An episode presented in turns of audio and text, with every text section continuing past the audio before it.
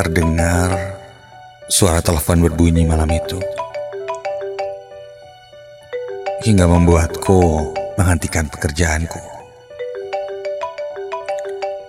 Ketika ku angkat, ku dengar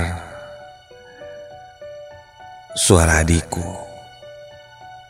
Dia bilang, ayah sakit keras dan menyuruhku untuk segera pulang ke rumahku di Garut.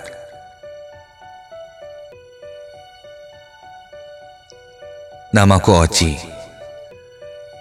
Aku bekerja di Bandung sebagai staf administrasi di salah satu perusahaan swasta yang berada di Gede Bage. Asalku dari Garut. Aku kerja di Bandung ya sekedar mencari pengalaman dan juga teman baru. Di Bandung, aku tinggal dengan bibiku yang tak jauh dari tempatku bekerja. Saat mendapat kabar dari adikku itu, aku pun langsung mengajukan izin untuk pulang ke Garut menjenguk ayahku yang sakit keras.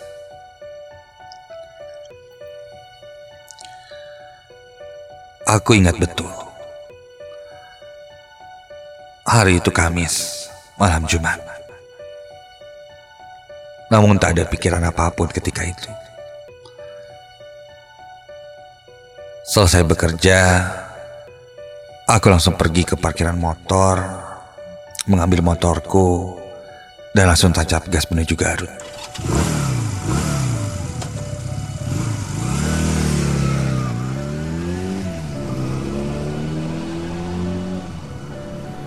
Tanpa sempat pulang dulu ke rumah Bibi. Aku hanya pamitan via WhatsApp saja pada bibiku. Bibi sempat khawatir jika aku harus pergi ke Garut malam-malam. Dan memang ketika itu sudah sangat larut. Selain khawatir begal ataupun orang jahat, dia takut aku kenapa-napa mengantuk di jalan hingga terjadi kecelakaan atau apalah. Tapi aku yakinkan tidak akan terjadi apa-apa. Bibiku pun mengiyakan saja asal tetap konsentrasi dan hati-hati saat mengemudi. Aku lalu tancap gas dari kantor menuju Garut. Awalnya aku bingung, kira-kira jalur mana yang paling dekat menuju Garut. Aku buka map di handphoneku dan arah yang paling dekat adalah melewati Jalan Cijapati. Dari Gede Bage menuju Jalan Sapan, Jalan Anyar, Cicalengka, Majalaya. Lalu memotong menuju Jalan Cijapati dan belok ke kiri hingga sampai di rumahku yang sebenarnya tak jauh dari jalan itu.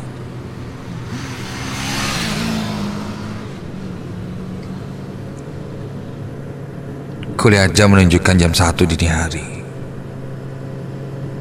Awalnya aku merasa ragu untuk melewati jalan itu. Karena katanya jalan Cijapati itu angker. Menurut warga sekitar sana pun seperti itu. Dan tidak direkomendasikan jika lewat sana malam hari. Tapi jujur, justru yang kutakutkan bukanlah hantu.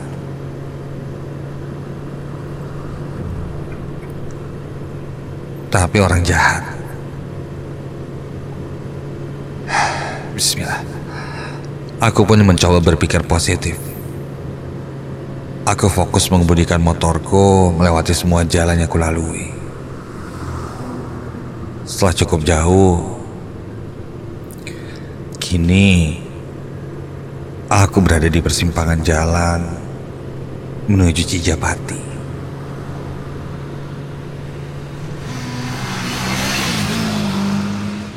Jalan ini sebenarnya jalur alternatif yang dipakai ketika kondisi jalan utama macet. Biasanya saat-saat mudik lebaran. Namun jika hari-hari biasa, jalan ini jarang sekali dipakai, apalagi malam hari. Kini aku sudah memasuki jalan Cijapati. Setelah cukup jauh dari pemukiman warga, kondisi jalan makin lama makin sepi. Sepertinya hanya motorku saja yang berada di sana. Kiri dan kanan jalan ini hutan juga bukit. Dengan penerangan seadanya. Sampai di sebuah tikungan,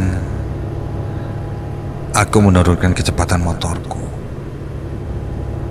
karena kulihat di depan ada sebuah mobil minibus seperti mobil travel yang berjalan sangat perlahan.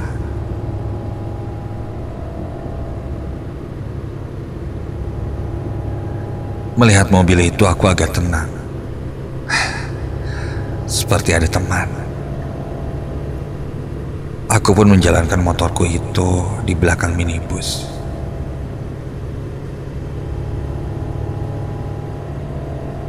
Ada yang janggal. Mobil itu berjalan sangat lambat. Padahal kondisi jalan tidak menanjak.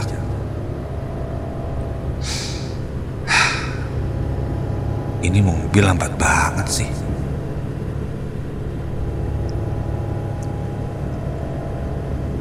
Aku pun menyusulnya perlahan dari sebelah kanan. Ketika aku mendahuluinya, sempat ku tengok. Jendela sopirnya terbuka. Kulihat seorang laki-laki sedang menyetir. Di sebelahnya dan di kursi belakangnya pun sempat kulihat ada yang duduk.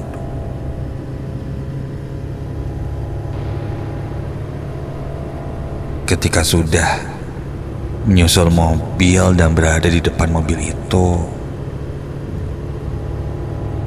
Tiba-tiba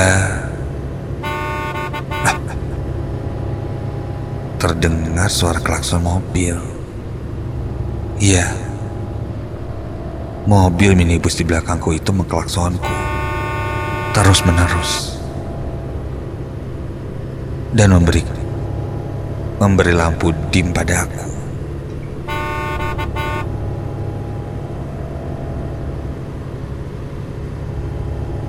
Sampai berkali-kali. Ini mobil kenapa sih? Ku tengok dari spion motorku sebelah kanan. Cahaya lampunya terlalu terang, sehingga membuatku silau melihatnya. Setelah cukup jauh, mobil itu pun berhenti mengklakson dan mengedipkan lampunya. Mobil itu sudah berada jauh di belakangku. Penasaran, aku berhenti sejenak, menunggu mobil itu lewat.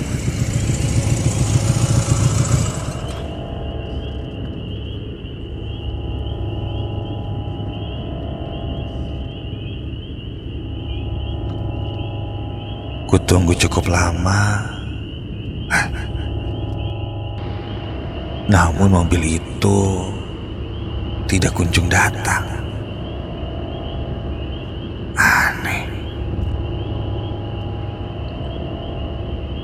Bulu kuduku mulai meremang.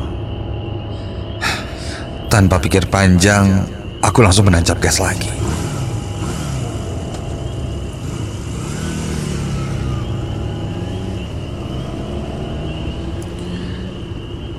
Kini, aku dihadapkan dengan sebuah tanjakan dan belokan. Dengan perlahan ku kendarai motorku ini dengan cukup pelan dan hati-hati karena tikungannya cukup tajam. Dan ketika sampai di ujung belokan yang tajam itu, astaga!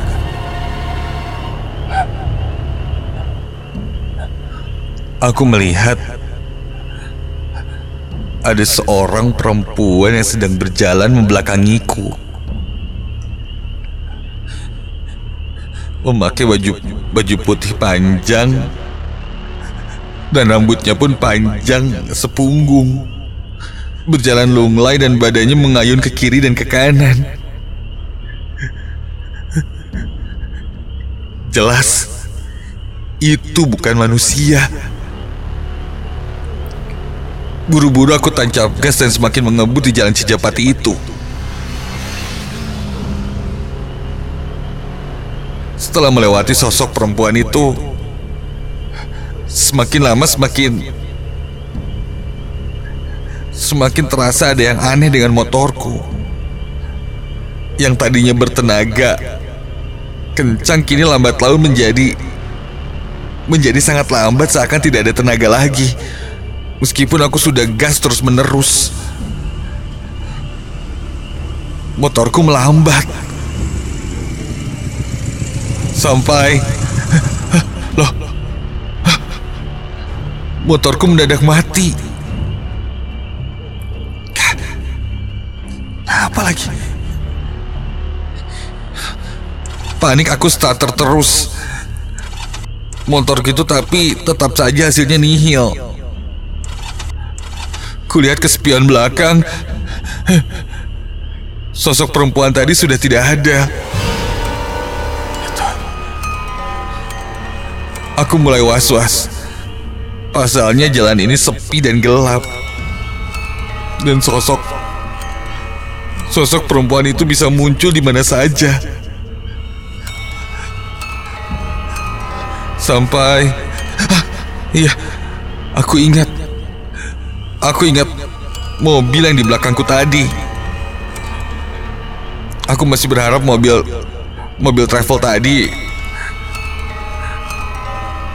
itu lewat dan dan membantuku. Kupastikan dengan menengok ke belakang. Ku tengok dan membalikan badanku ke arah belakang motor dan astaga. Ya Tuhan.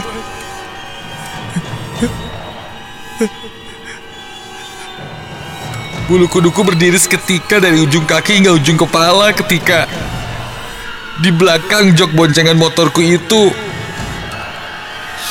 telah duduk seorang perempuan. Duduk menyamping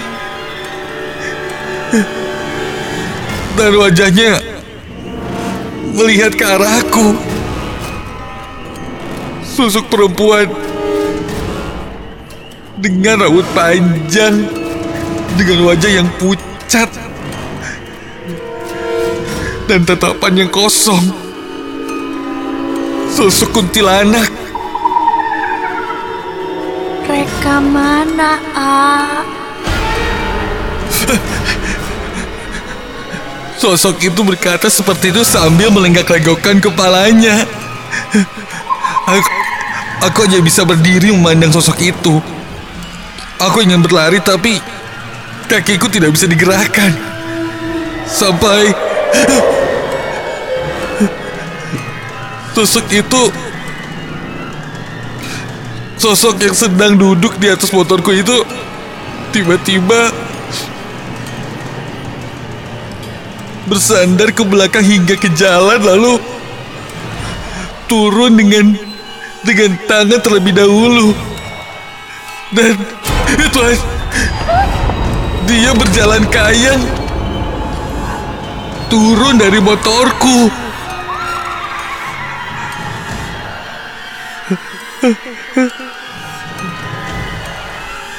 Sampai akhirnya sosok itu pun seperti berlari menghilang dari pandanganku di dekat persawahan yang ada di sana.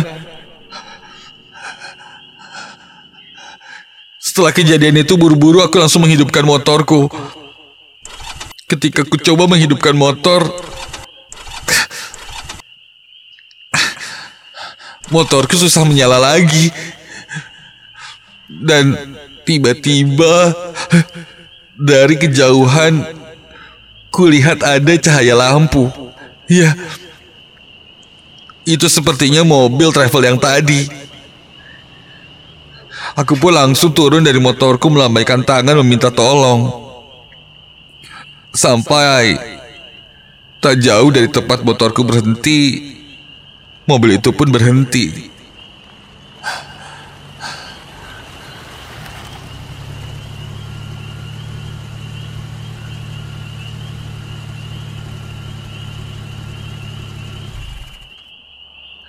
Tak ada satupun yang keluar dari mobil.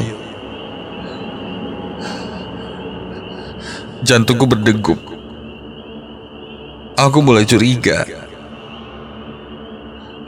Aku pun mendekati mobil itu perlahan.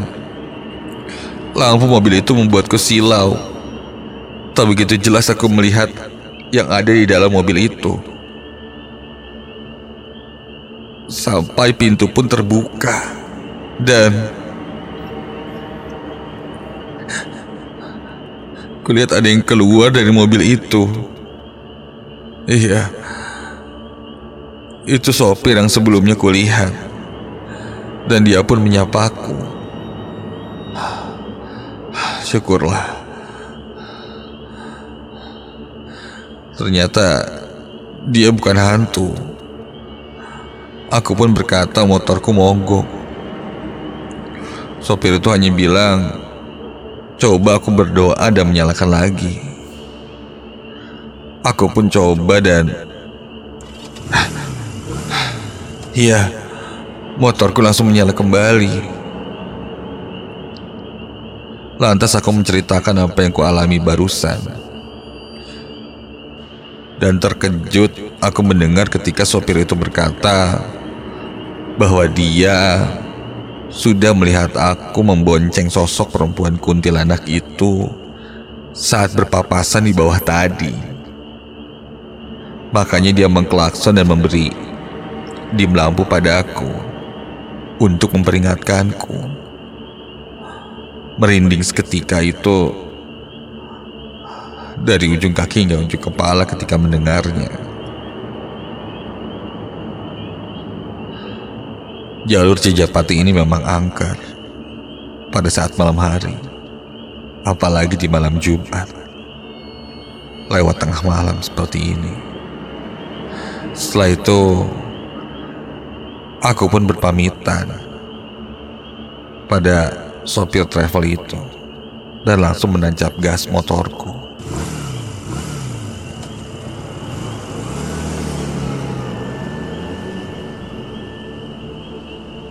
Tak jauh dari sana, di akhir jalur Cijapati, aku pun berhenti sejenak beristirahat di sebuah warung. Untuk sekedar meminum teh manis hangat. Penjaga warung itu sempat berkata bahwa dia salut pada aku lewati jalur itu malam hari. Aku pun berkata, untung saja saat itu aku tidak sendiri. Ada satu mobil minibus juga di belakangku.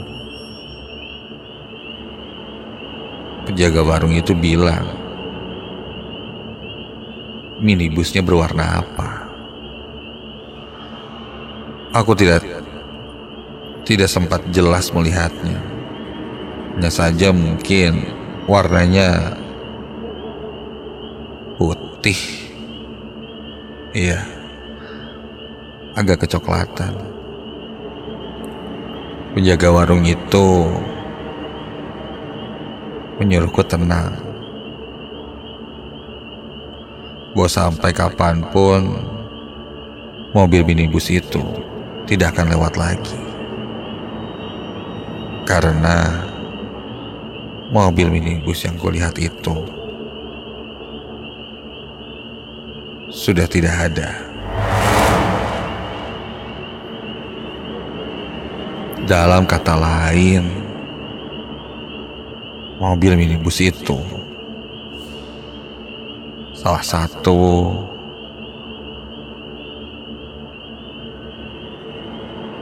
korban kecelakaan di jalur ini. Yang mungkin sudah terjadi bertahun-tahun lalu. Dan memang kerap, kerap kali orang melihat mobil minibus yang melaju perlahan di jalur itu. Yang sebenarnya sudah tidak ada.